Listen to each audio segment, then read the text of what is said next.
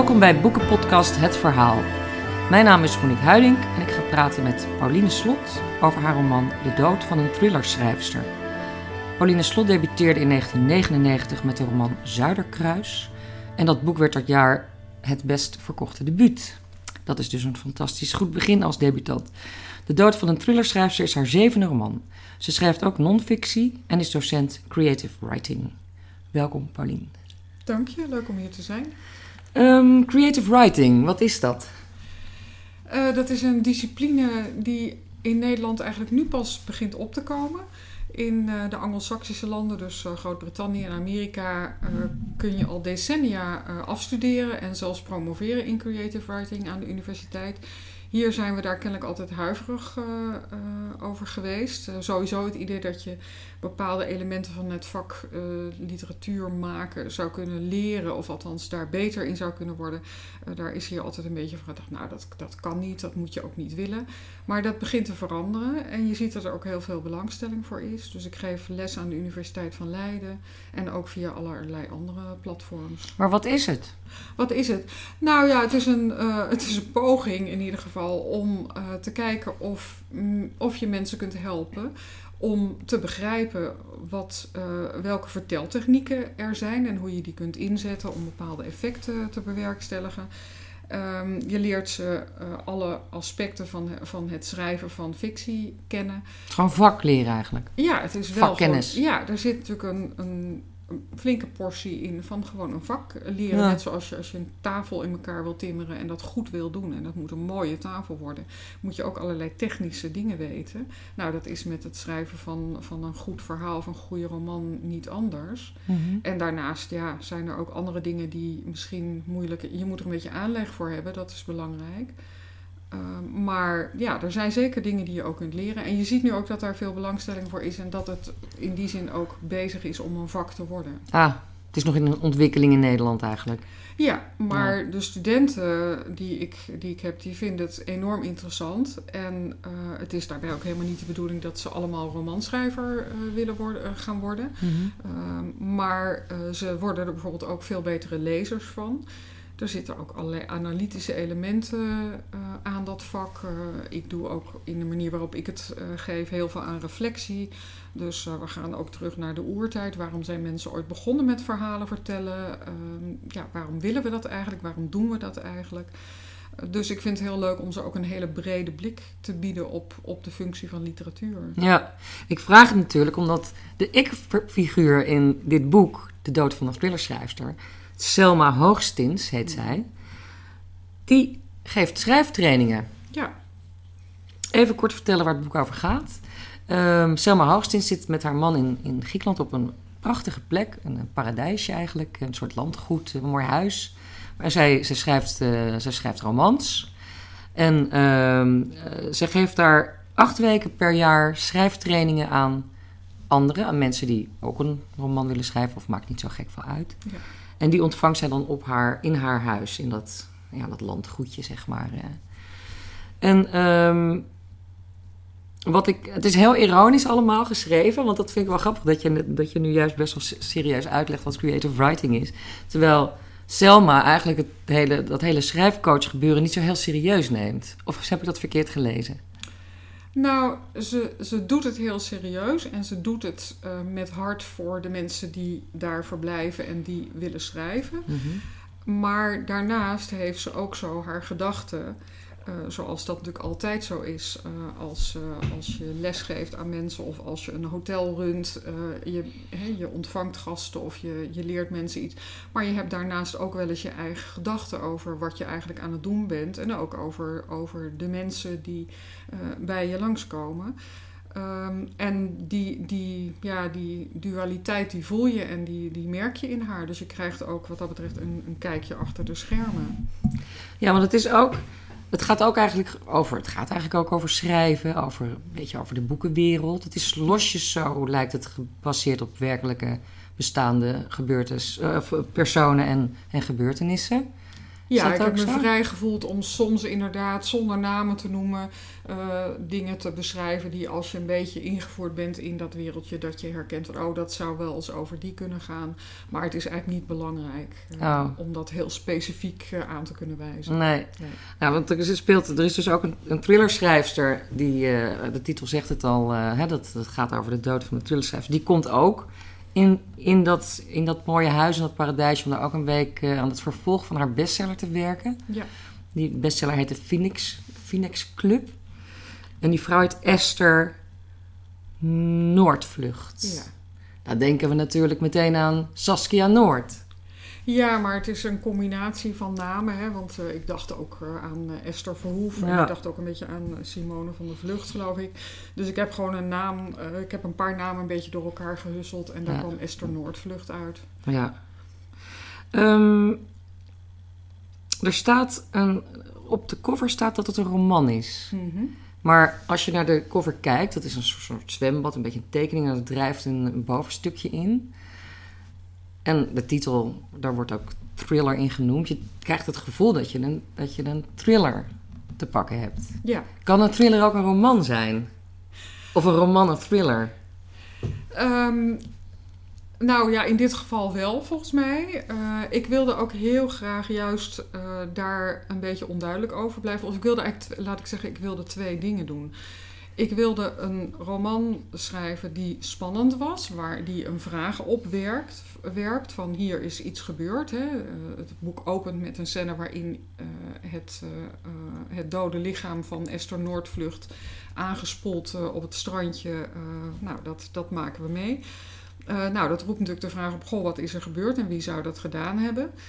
Um, en dat is ook de vraag die je, als het goed is, uh, door de roman heen loodst en naar de laatste pagina uh, toe haalt. Maar ik wilde niet een uh, een thriller schrijven in die zin dat dat het enige is. Ik wilde ook juist schrijven over het verschil tussen literatuur waarin je probeert ja, relevante of belangrijke vragen te beantwoorden of juist niet te beantwoorden in de meeste gevallen. Ik wilde ook dat het mooi geschreven was. Ik wilde dat het echt ergens over ging. En dat het ook juist uh, nou ja, speelt eigenlijk met die conventies van de literaire thriller. Dus ik wilde en een spannend verhaal schrijven, wat je gewoon lekker wil uitlezen.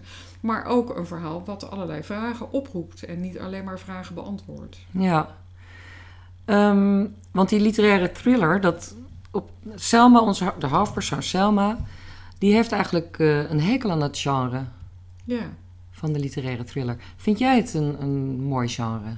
Hou je ervan? Lees je die boeken? Nee, ik lees het absoluut niet. Uh, ik heb ook uh, als voorbereiding op dit boek wel geprobeerd uh, om, om er eens één te lezen, maar ik vond het heel erg moeilijk. Dus ik heb een beetje zitten bladeren. je kon er niet in komen? Nee, ik kon het echt niet goed... ik, ik kon het gewoon niet goed verdragen om dat echt te gaan lezen. Verdragen? Dus, ja, daar kwam het eigenlijk wel op neer. Ja. Wat, wat, wat wekte je weerzin? Nou ja, ik vond de stijl uh, bijvoorbeeld, uh, ja, die hele korte zinnen en uh, dat benoemen van, van allerlei emoties, de, de, knullige dialogen, soms ook hele onwaarschijnlijke dingen. Ik dacht, ja, wie zegt dat nou of wie denkt dat nou. Dus ik, vond, dus ik heb gewoon wat gebladerd. Uh, en, maar mijn boek is dus ook niet voortgekomen uit een brede ervaring van lezen en me ergeren aan dit genre. Mm um, ik vond het een mooi genre omdat je er allerlei dingen aan kan, la kan laten zien over de. Um, nou, niet de strijd tussen, uh, tussen genre, uh, literatuur en, en echte literatuur, zou ik maar even zeggen. Uh, de, daar, daar, nou, daar leent het zich goed voor. Ik bedoel, ik had ook uh, een boeketreeks romans kunnen, kunnen nemen. Maar ik vond dit eigenlijk leuker omdat dit ook een bepaald verhaal uh, met zich meebracht wat ik kon vertellen. Ja, want wat Selma ook bijvoorbeeld constateert, en dat zijn het, jij bent het natuurlijk zelf gewoon die Selma, is dat dat zijn altijd vrouwen die literaire thrillers schrijven. Ja, Blonde vrouwen. Nou, ze, ik weet niet of ze allemaal blond zijn of van nature allemaal blond zijn. Daar, zo diep ben ik er niet in gedoken. Maar um, er zijn natuurlijk ook heel veel mannen die thrillers schrijven. En oorspronkelijk is het natuurlijk een vak wat heel veel door mannen wordt beoefend. Alleen die zetten dan dat woordje literaire er niet voor. En eh, die literaire thriller, zoals wij die nu hier eh, kennen in Nederland, eh, dat lijkt inderdaad wel een genre wat veel door vrouwen wordt beoefend. Dus dat woordje literaire ervoor, dat lijkt wel een beetje samen te gaan met, met vrouwelijke auteurs. Dus, dus vrouwen die zetten literair bij. Een man hoeft helemaal, die heeft dat niet nodig. Voor een man is het gewoon een thriller. Ja, en bij ik een vrouw dat, moet het literair zijn. ja ik, ik heb daar natuurlijk ook over nagedacht. En ik zeg daar in het boek ook wel wat over. Of ik laat Selma daar dingen Ja. over zeggen. Van wat is dat nou? Eh, mannen zijn denk ik wat minder bevreesd om het gewoon zeggen, te zeggen... dit is een thriller, lekker spannend, mag een beetje hard zijn... Ehm, maar ik denk dat er een lezerspubliek is van eh, vrouwelijke eh, lezeressen die ook best een spannend boek willen lezen, maar die misschien daar ook weer een soort zachtheid bij willen. Nou, een literaire thriller, dat spreekt natuurlijk al meteen, dat haalt de harde kantjes er een beetje van af. Eh, dat suggereert dat er misschien ook wat meer psychologie in zit. Nou, en als je dan ook nog een vrouwelijke auteur hebt en dat speelt zich af in, een, eh, in het Gooi of in, een- in een Vinex-wijk of zo, nou, dan, eh, dan is het allemaal niet al te, eh, al te bedreigend misschien. Ik had juist verwacht dat het meer eh, gebruikt wordt uit een soort van pretentieus iets. Nou, dat zal er ook bij zitten. Dat, eh dat maar juist, geloof ja, ik voor ook. jou ja. is het ja. niet totaal tegenovergesteld eigenlijk. Dat het Nou- gewoon wat juist wel wat lieflijk is, een beetje een streekromanderige ja, ja, ja, ja. zachtheid. Nou, ik denk dat het, het, het verzacht enigszins, denk ik, het, eh, het thriller, acht, het, eh, het, de thrillerheid van de thriller wordt enigszins verzacht door dat literaire ervoor te zetten. Dat suggereert dat er dan ook allerlei andere elementen van belang zullen zijn. Relaties of, eh, nou ja, noem maar op. Ehm, ja, dus de, maar er zit ook natuurlijk een element van potentie eh, aan. Het, eh, het is natuurlijk een dat dat stempel ook- wat er opgezet Dat is ook wordt. weer wat bijvoorbeeld dan mensen die zichzelf een echte romanschrijver noemen, die ergeren zich daaraan. Van dat Ja. is helemaal geen literatuur. Dat Ja. mag je niet zeggen. Ja, Wat ook heel pretentieus en nergens op slaat natuurlijk. bedoel, Natuurlijk mag je dat wel zeggen. natuurlijk. Wat geeft dat nou? Ja, nee, dat denk ik ook. eh. Nee, maar, maar inderdaad, het is, het is een interessant fenomeen. En volgens mij bestaat het ook in de Engelse taal, eh, hebben we daar niet een equivalent voor. Dus eh, volgens mij de literary thriller, dat, Nee. die zie ik nooit liggen. Ja, het, is, het is misschien wel echt Nederlands. Ja, ik geloof het Ja. wel. En het zal wel gewoon eh, een marketingding zijn, ook Ja. wat goed gewerkt heeft. En wat mensen nu herkennen als een genre van als ik zoiets wil. Nou, dan als dat erop staat, dan, dan krijg ik dat. Ja, want denk jij dat het ook, dat komt ook een beetje in je boek naar voren, dat het ook eigenlijk gewoon allemaal bepaald soort formules zijn waarmee zo'n zo'n boek in de markt gezet wordt? Hè, hoe de cover eruit ziet, dat heb jij nou ook een beetje mee, eh, ook een beetje gedaan met dit boek. Mhm, Eh, die auteurs zijn meestal mooie blonde vrouwen. mhm. En hè, je laat Selma ook zeggen, het is allemaal een beetje geposeerd. Of het, is, het zijn poses. Ja. En zit daar een, heel, een hele strategie inderdaad van dat het, dat het zo'n thriller ook maakbaar is? Jazeker. Tot bestseller. Ik denk het wel. Zijn, je ziet ook inmiddels dat er, eh, dat er echt eh, franchises zijn ontstaan. Hè. Je hebt bijvoorbeeld het fenomeen Suzanne Vermeer. Eh, daar ging een man achter schuil. Die is inmiddels overleden. Maar dat was dus een, een hele serie. En dat waren allemaal vakantiethrillers. Dus dan was het weer aan de Costa del Sol. En dan was het weer in leg bij het skiën of zo. Dat er iemand doodging. En dat, wa dat was dus een hele duidelijke formule. En die man is op een gegeven moment overleden. En er verschijnen nog steeds eh, thrillers van Suzanne Vermeer. Ja. En daar worden steeds mensen voor gevraagd om dat te schrijven. Nou, en dat doen ze. Wat dat betreft is dat ook weer het boeketreeks model. Hè? Dat, eh, dat zijn fake namen. Eh, en die worden volgens hele strakke formules geschreven. ja. Ja, want het is wel succesvol. Ja, zeker, ja. Als je naar de top 10 kijkt, of top 60 eh, van de best verkochte boeken, dan staan altijd een heleboel eh, thrillers in. Ja, klopt. Ja, nee, het is heel succesvol. Ja. Ja, Mensen lezen het graag. Ja, het zijn natuurlijk ook, ja, weet je, nou ja, aan mij is het dus niet besteed, maar eh, ik kan me voorstellen dat er mensen zijn die dat leuk vinden en dat je gewoon in twee uurtjes er gewoon lekker zit en, en zo'n boek leest. Ja, Twee uurtjes. ja nou Bij ja, het daar zwembad. komt het, daar komt het vakantie, vakantieboeken. ja. Maar ehm, is er in, in Selma ook een, een element van afgunst? Want zij schrijft romans. Mhm. En eh, wat ik heel geestig vind, is dat ze op een gegeven moment gaat ze naar een, een online aanbieder van boeken. Mhm. En dan gaat ze kijken op welke pagina, want dat, dan kan je dan eh, die indeling vinden van best verkocht. Dus die Ja. staat bovenaan en dan klik je verder. En dan gaat ze op zoek naar waar haar boek dan eigenlijk staat. Ja, ja.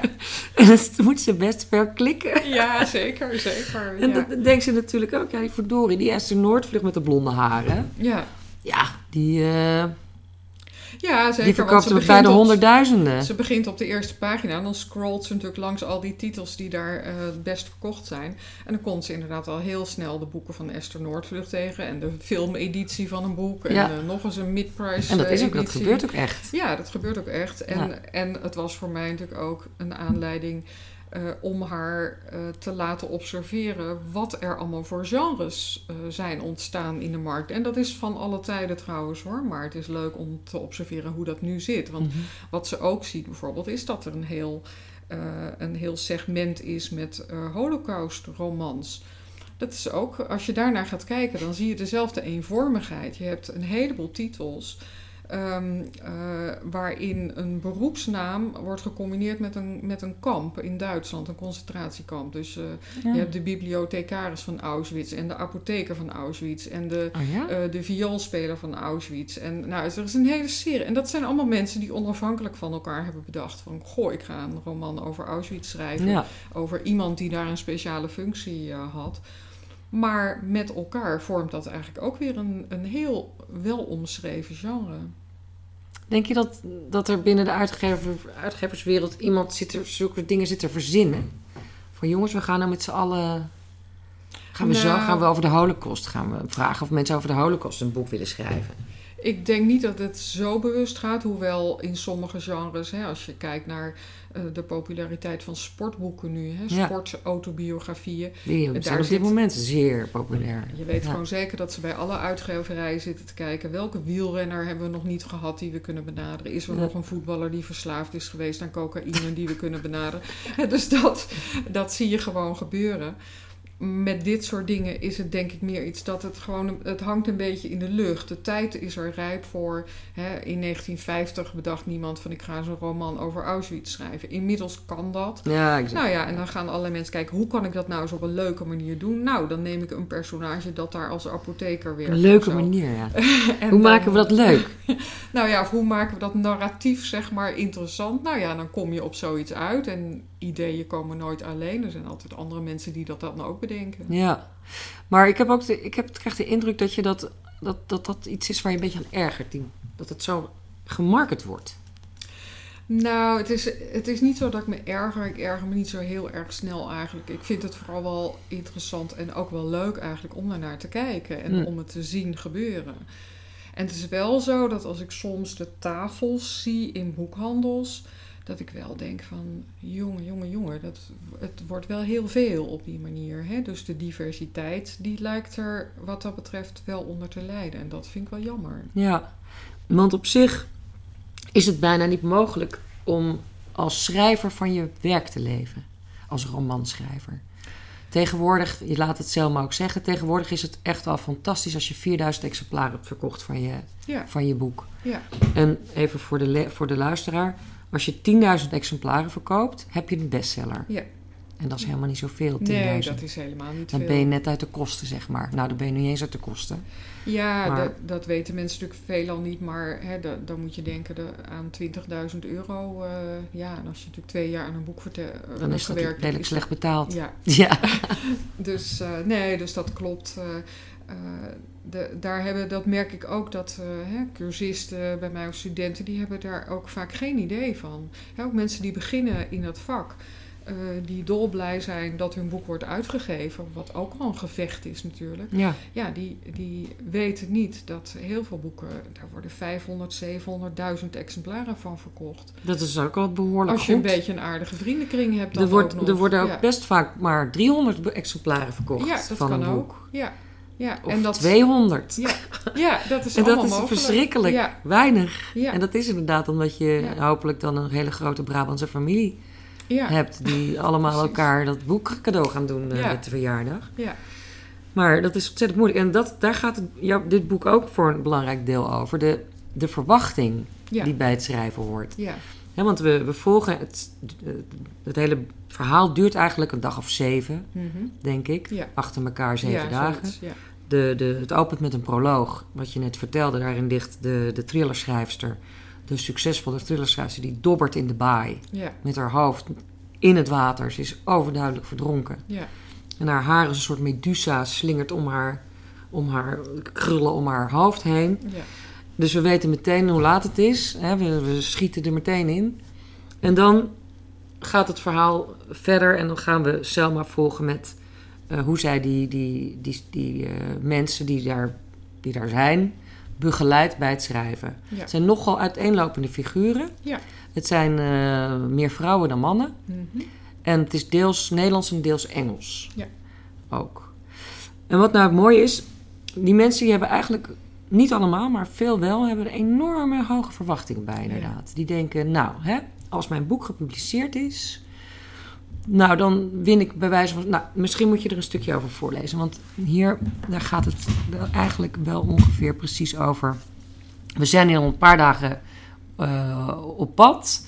Ik weet niet meer precies of, of eh, Esther Noordvlucht er nu al is of nog niet.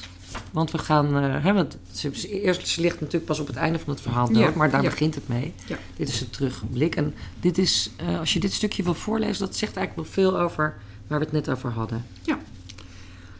Terug in de keuken werd ik begroet door het geknarsetand van de afwasmachine. Verder was het overal stil. Ik schonk een glas water in en liep naar het zijterras voor het laatste consult van deze ochtend met Hanna.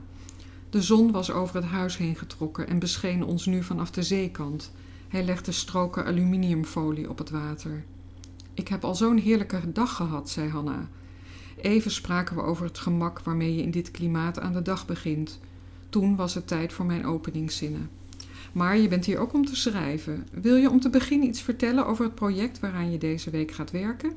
Meteen had ik spijt van het woord project. Het klonk alsof ik er bij voorbaat heel wat van verwachtte.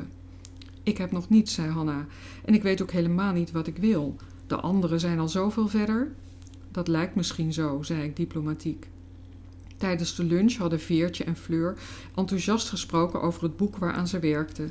Dat woord boek hoorde ik vaak, ook uit de mond van gasten die zelfs nog nooit een kort verhaal hadden geschreven. Misschien paste het bij de tijdgeest. Visualiseer elke dag dat je de Nobelprijs in ontvangst neemt.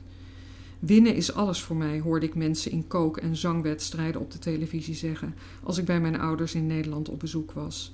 Alsof je met verlangen de vervulling kon afdwingen.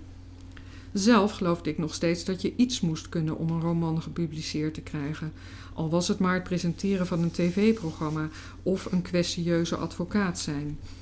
Een tijdje terug had ik bij mijn ouders een quiz gezien met een team van schrijvers, bestaande uit de ex-hoofdredacteur van een tijdschrift, een nieuwslezer die zijn eerste thriller had gepubliceerd en de presentator van een reisprogramma die een roman van plan was.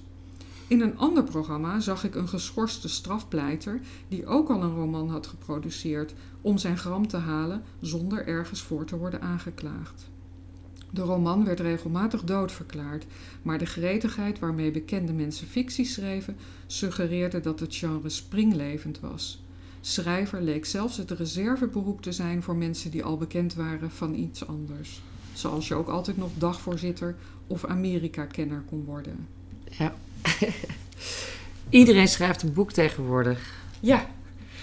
Ja, dat, dat verlangen is kennelijk heel groot. Dat vond ik ook interessant. Eh, Daar gaat het boek ook over. Van waarom schrijven wij eigenlijk? Kijk, ik begrijp heel goed dat mensen willen schrijven. En ik vind het zelf ook heel eh, fijn om te doen. Uh, maar wat is dat? En wat maakt ook dat mensen dan meteen verwachten dat dat ook wel wat zal zijn? Ik, ik dacht laatst ook, uh, als mensen op een aquarelleercursus gaan, wat heel veel mensen in Nederland ook doen, dan denken ze niet volgens mij meteen volgend jaar hang ik in het gemeentemuseum in Den Haag met mijn aquarellen. Um, maar als je kijkt naar hoe mensen bezig zijn met schrijven, dan is die verwachting er vaak, dat merk ik gewoon in hoe mensen daarover praten, uh, is er vaak wel. He, eigenlijk uh, valt al heel snel het uh, DWDD-woord. Van, uh, nou, en als ik dan volgend jaar bij DWDD zit. En ja, Matthijs. ja, precies. En dan een goede vriend Een grapje. Ehm, maar er zit ergens ook wel eh, het idee van, nou, dat zou best eens binnen mijn bereik kunnen liggen. Hoe zou En- dat komen? Ja, dat is eigenlijk heel wonderlijk. eh, dat, dat er kennelijk niet helemaal het, eh, het besef is dat het ten eerste gewoon een heel moeilijk vak is. Dat je heel veel verschillende dingen moet kunnen eh, om een goede roman te schrijven. Ik, ik vergelijk het ook wel eens met dat, dat het een soort groot mengpaneel is die je in een geluidsstudio moet hebben. Dat, dat, hè, dat je twintig schuifjes moet hebben en die moeten allemaal gewoon boven de zeven uitkomen om iets behoorlijks te kunnen maken. En noem er eens een paar van die, van die eigenschappen die je moet beheersen, van die technieken die je zou moeten beheersen. Nou ja, je moet natuurlijk eh, je moet behoorlijke zinnen kunnen maken. Je moet een gevoel voor stijl hebben. Dat, nou, dat, dat is een van de moeilijkste dingen om te ontwikkelen en aan te leren. Dat is eigenlijk meer talent. Ja, dat, is, dat zou je eigenlijk meer talent of ge- het gevoel voor taal. Ja. Ja. Maar, en, en er zijn natuurlijk heel veel technische dingen, hè, van hoe je, eh, hoe je informatie doseert bijvoorbeeld. eh, zodat je niet meteen in het begin alles weggeeft, maar dat je dat, dat weet te rekken. Je moet ook kunnen uitstellen bijvoorbeeld. Mhm. Nou, er zijn heel veel dingen. eh, je moet natuurlijk ook iets snappen van het leven, van de psychologie. Je moet beelden kunnen oproepen in taal. Nou, noem maar op. Misschien een beetje levenservaring? Zou dat, helpen? Nou, ik vind ik zelf ook altijd best wel Best handig. Ja, ik, ik hou daar wel van. Dat je iets Meegemaakt hebt. lees en denk van, hé, hey, dit is iemand die kan echt naar mensen kijken. Ja.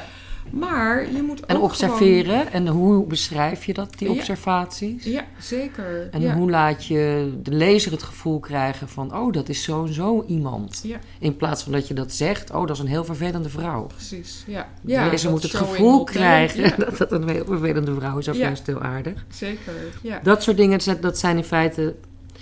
die moet je op zijn minst al wel kunnen. Ja, maar dan zit er ook nog dat je bijvoorbeeld in staat moet zijn om heel geduldig en langdurig aan iets te werken. Ehm, een roman, eh, ja, er waren natuurlijk uitzonderingen. Simenon of zo, die schreef geloof ik elke twee weken een Maigret-boek. Maar in veel gevallen ben je natuurlijk gewoon een jaar of twee jaar met een roman bezig. En je moet dus ook gewoon geduldig zijn. Je moet door kunnen gaan. Je moet er 500 keer doorheen kunnen gaan om steeds opnieuw te kijken van staat het er nou goed en het bij te schaven. En wat ik toch heel veel zie is dat mensen dat niet goed op weten te brengen. En ook als je dus heel veel talent hebt, maar je bent niet in staat om die lijnen twee jaar lang goed vast te houden, dan lukt het ook niet. Dus er Hm. moet heel veel samenkomen, wil het lukken. Ja. Maar toch denken heel veel mensen, want dat vind ik echt zo fascinerend. Die schrijven dus een boek en als ze dan de eindstreep hebben gehaald, dan hebben ze eindelijk eh 75.000 woorden. Ik zeg maar wat, dan heb je Ja. wel een beetje een boek. Ja, Hebben ze, hebben ze eindelijk op papier of in een computer.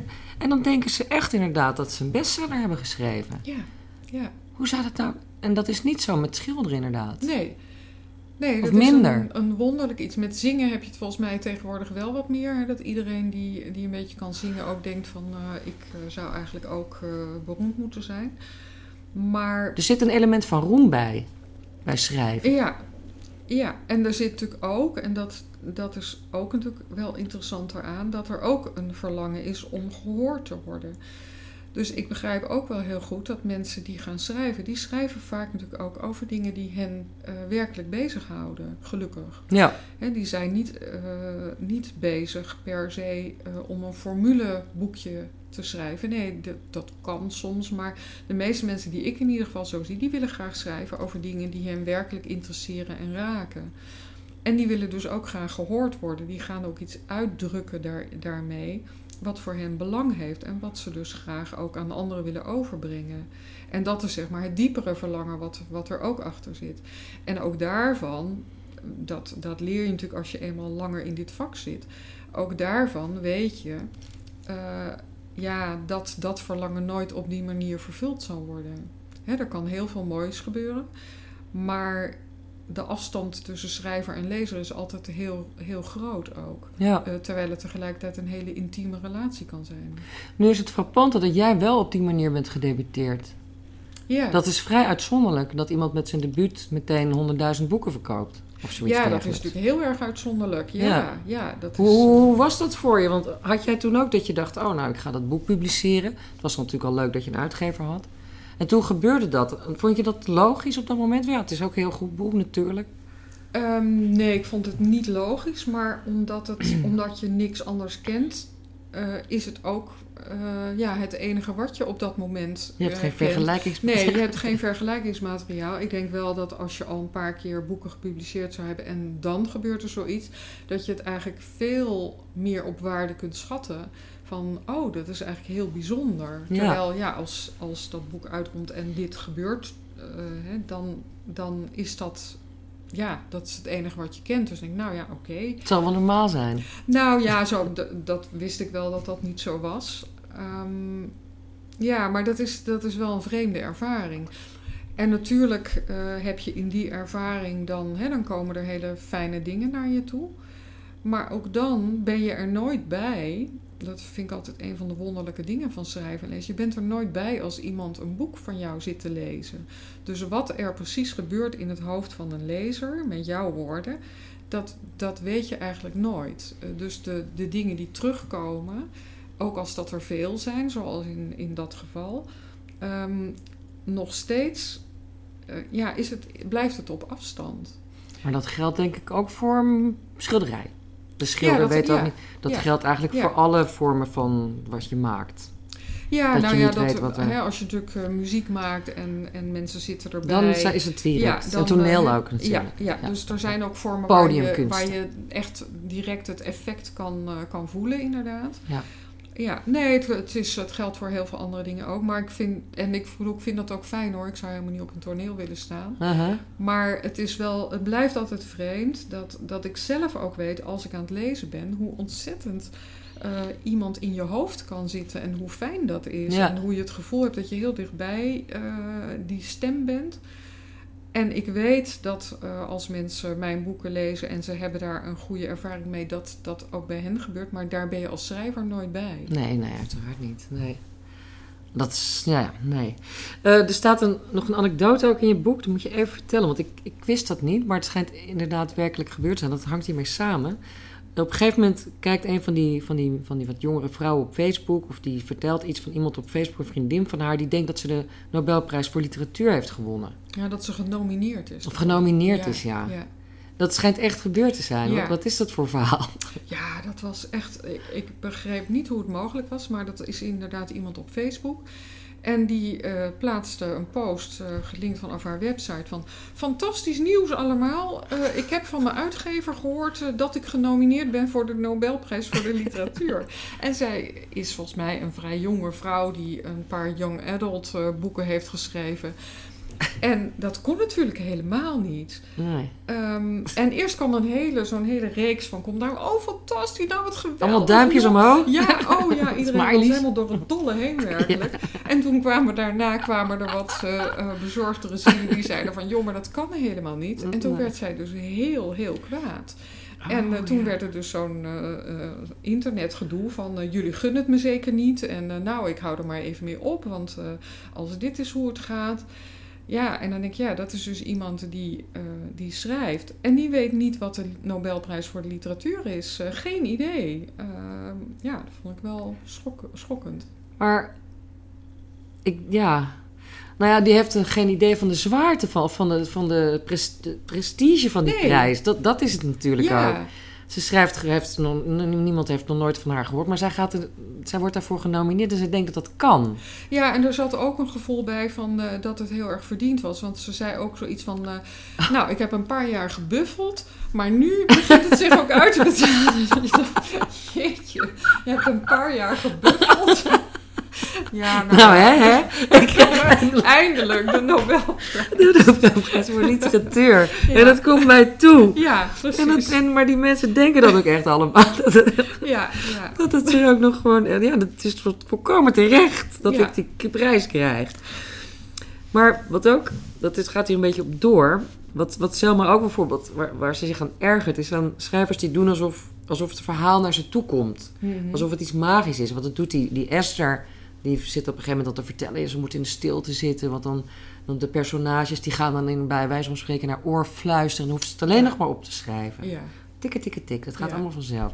Daar ergert ze zich ook aan. Dus ik neem aan dat jij daar ook aan ergert. Dat zoiets eigenlijk, zoiets magisch, niet echt bestaat. Maar heel veel schrijvers die beweren dat wel, ja. Ja, en weet je, uh, misschien is dat voor hen ook zo, of ervaren ze dat ook zo. Ja. En zelfs uh, allerlei mensen die ik erg kan waarderen, die zeggen dat zo hoor. Ja.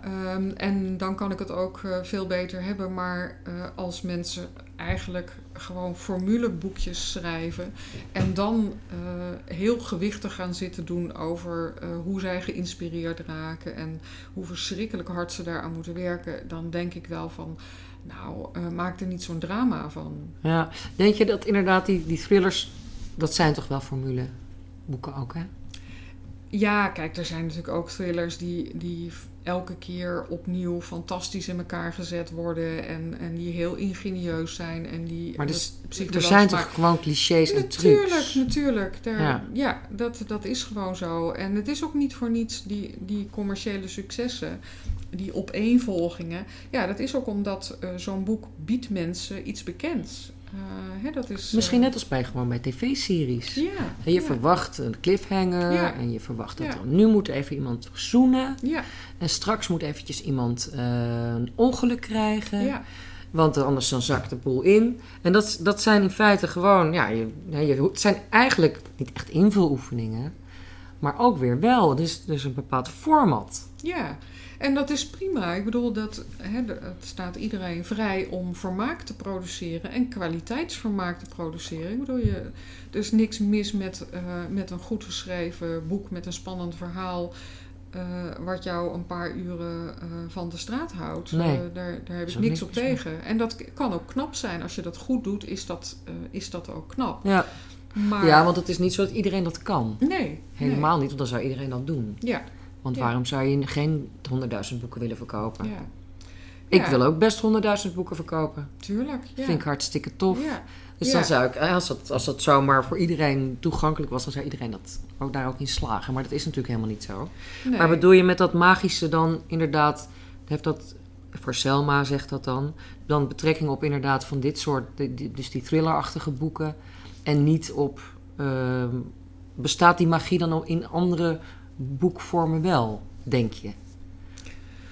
Nou ja, ik Ja, dat zelf zegt zie iemand, ik kom in de flow en Ja, het nou, boek, flow het verhaal vertelt zichzelf. Wel, hè. Ik- Flow is natuurlijk de toestand waarin je heel geconcentreerd en zonder meer afgeleid te worden heel erg ergens inraakt in een, in een bezigheid. Dus dat, dat, hè, dat is natuurlijk een soort toestand van de geest die mentale heel prettig toestand. is. Ja. Ja. En dat je geest natuurlijk als je op zoek bent naar een nieuw boekidee, dat je open staat voor van alles en dat, dat je dingen opmerkt, hè, dat, dat is natuurlijk ook gewoon zo.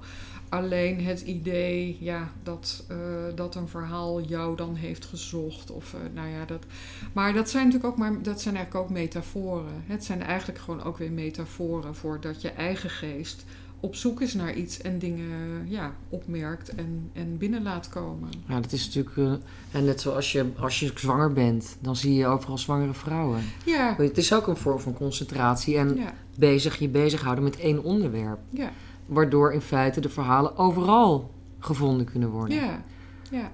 Dat bedoelen ze misschien, maar dat klinkt niet zo romantisch. Nee, precies. en ik vind soms ook, eh, dan denk ik van, ja, waarom zou je daar niet vrij nuchter over kunnen spreken? Waarom, eh, waarom moet het inderdaad dat element van magie krijgen? Voor mij hoeft dat niet. Ik bedoel, als anderen er zo over willen praten, Ja, eh, prima. Maar voor mij, in, ik zou er niet snel in die termen over praten. ik denk dat dat, dat hoort ook bij dat, bij dat denken dat je de Nobelprijs wint. Bij die roem. Het is een soort. Moet er iets betoverends. Dat schrijven, Ja. dat, heeft iets, dat heeft iets betoverends. Dan Ja. ben je een beetje een tovenaar. Of Ja, in ieder geval iemand die meer macht eh, heeft. Een beetje Ja. een god. ja. Nou ja, dat inderdaad, dan ben je een soort uitverkorene misschien Poppenspeler. wel. Ja, ja, Misschien beter ja. dan god. ja. En ja, en daar hoort dan ook bij dat het, dat het niet gewoon ook een vak is. Dat is Nee. niet zo romantisch. Nee, dat klopt, want daar zit misschien ook wel die oorspronkelijke Nederlandse afkeer eh, voor hè, mensen dat ook als vak eh, bijbrengen eh, aan vast. Ja, dat, eh, dat als, Broodschrijver. ja, dat als je het woord. natuurlijk magisch maakt, ja, magie kun je, kun je mensen dan niet, niet aanleren. Dat gebeurt je dan of dat gebeurt je niet. Dat ingefluisterd worden. Goddelijke, goddelijke inspiratie. Ja, precies. Maar, maar als je natuurlijk ja, mensen voor een deel in ieder geval technieken kunt leren, ja, dat haalt natuurlijk wel een beetje de, de romantiek uh, ervan af. Althans, zo zou je dat kunnen zien. De glans misschien ook. Ja, ja, en inderdaad misschien ook de status. Uh, ja. Dat zou kunnen. Ja. En de pretentie. Ja. Allerlei ja. dingen die eigenlijk ook leuk zijn. En waarmee je bij DWDD kunt komen. precies. um, de laatste vraag.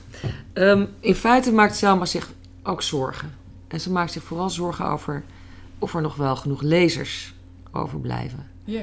Want op een gegeven moment, als iedereen gaat schrijven, dan hebben we, zijn er geen lezers meer. Is dat ook iets waar jij je zorgen over maakt? Je ziet natuurlijk met de verkoops, er worden gewoon steeds minder boeken verkocht.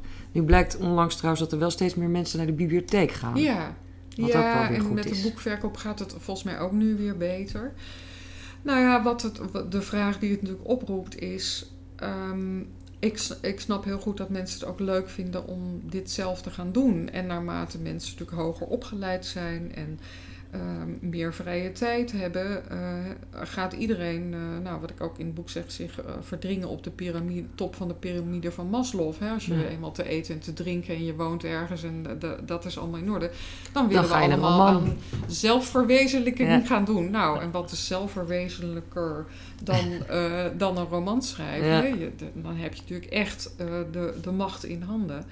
En heel veel mensen vinden dat fijn en dat snap ik ook eh, Ja. heel goed. En er is ook helemaal niks op tegen om dat te gaan doen, maar wel met eh, een gezonde dosis realiteitsbesef ook. Omdat je anders ook zo teleurgesteld kunt raken. Ja, maar ik denk ook dat heel veel mensen zwaar teleurgesteld raken. Ja. Want Selma zegt op een gegeven moment ook ergens van als er een. Mensen vergeten dat, dat bij een succesfactor nog een, een, een leger aan, eh, aan verliezers eh, dat hoort daarbij. Tuurlijk, ja, zeker. Er kunnen er maar heel weinig succes hebben. Er zijn Ja. ontzettend weinig mensen, ook in Nederland, terwijl dat best wel een goed boekenland is. Ja. Die kunnen leven van eh, puur van hetgeen ze schrijven. Ja. Nou, als, dat- in, als in romans. Ja, nee, Bijna iedereen klopt. moet er iets bij doen. Ja, dat klopt. Maar er zijn ook veel mensen, en zeker onder de studenten aan de universiteit, en dat vind ik dan eigenlijk wel heel erg leuk om te zien, ehm, die niet van die hele grote dromen hebben. Dus die vinden het Oké. gewoon interessant. Die vinden het interessant om er dingen over te leren. Het geeft ze een andere blik op literatuur en, en op verhalen, op de functie van verhalen in ons leven en eh, in hun eigen vakgebied soms ook. Maar die hebben niet dat idee van dat ga ik nu allemaal eens even doen. Dus daar kom ik dat eigenlijk weer minder tegen. En dan denk ik, nou, dan, eh, ja, dat is, dat is eigenlijk veel reëler. Ja, want op zich is namelijk de functie van het verhaal in ons leven extreem belangrijk. Ja, Heel belangrijk. ja, We leven vooral ook nu steeds meer in een tijd waarin allerlei verhalen worden verteld die helemaal niet waar zijn. ook. Ja, ook. Ja, en je ziet natuurlijk dat die narratieve elementen, die worden op steeds meer eh, fronten ingezet. Ja, dus eh, eh, ja, ook, ook nou, bijvoorbeeld bij het inzamelen voor goede doelen. Ik bedoel, je ziet nu steeds, waar je ook maar gaat, zie je van die posters hangen met eh, eh, een persoon die eh, zegt van ik ben net overleden ehm, eh, en geef geld aan dit of dat. Ja. Eh, nou, dat, dat zijn puur narratieve technieken, want je, eh, je zegt niet van hè, de genezing van deze ziekte is belangrijk, geef geld. Nee, je zet een personage neer die jou aankijkt en die zegt ik ben die en die en ik ben nu dood en dat is heel erg. ja. Ehm, hè, dus je ziet Geef het- geld. Ge- dus geef geld. Ja, Je ziet doe op iets. alle mogelijke manieren dat eigenlijk fictietechnieken, verhaaltechnieken ingezet worden.